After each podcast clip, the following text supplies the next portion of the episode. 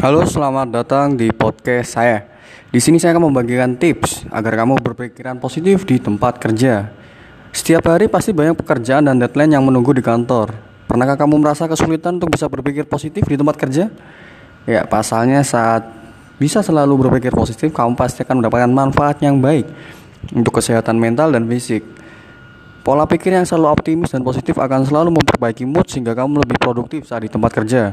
Selain itu, vibe yang positif akan juga mempengaruhi orang lain dan membuat suasana di tempat kerja lebih nyaman. Mungkin yang pertama adalah selalu hargai keberhasilan kecil. Cara termudah untuk berpikiran positif yaitu dengan selalu menghargai keberhasilan kecil yang kamu dapatkan saat di kantor. Misalnya kamu sudah menyelesaikan suatu pekerjaan yang sulit dengan tepat waktu, sedikit rayakan keberhasilan itu. Mungkin terdengar sepele tapi dengan selalu menghargai setiap keberhasilan meskipun itu kecil, pasti kamu akan merasa lebih termotivasi ke depannya. Sekian dari saya, terima kasih. Dan salah satu kunci untuk bisa berpikir positif adalah dengan selalu menghargai pencapaian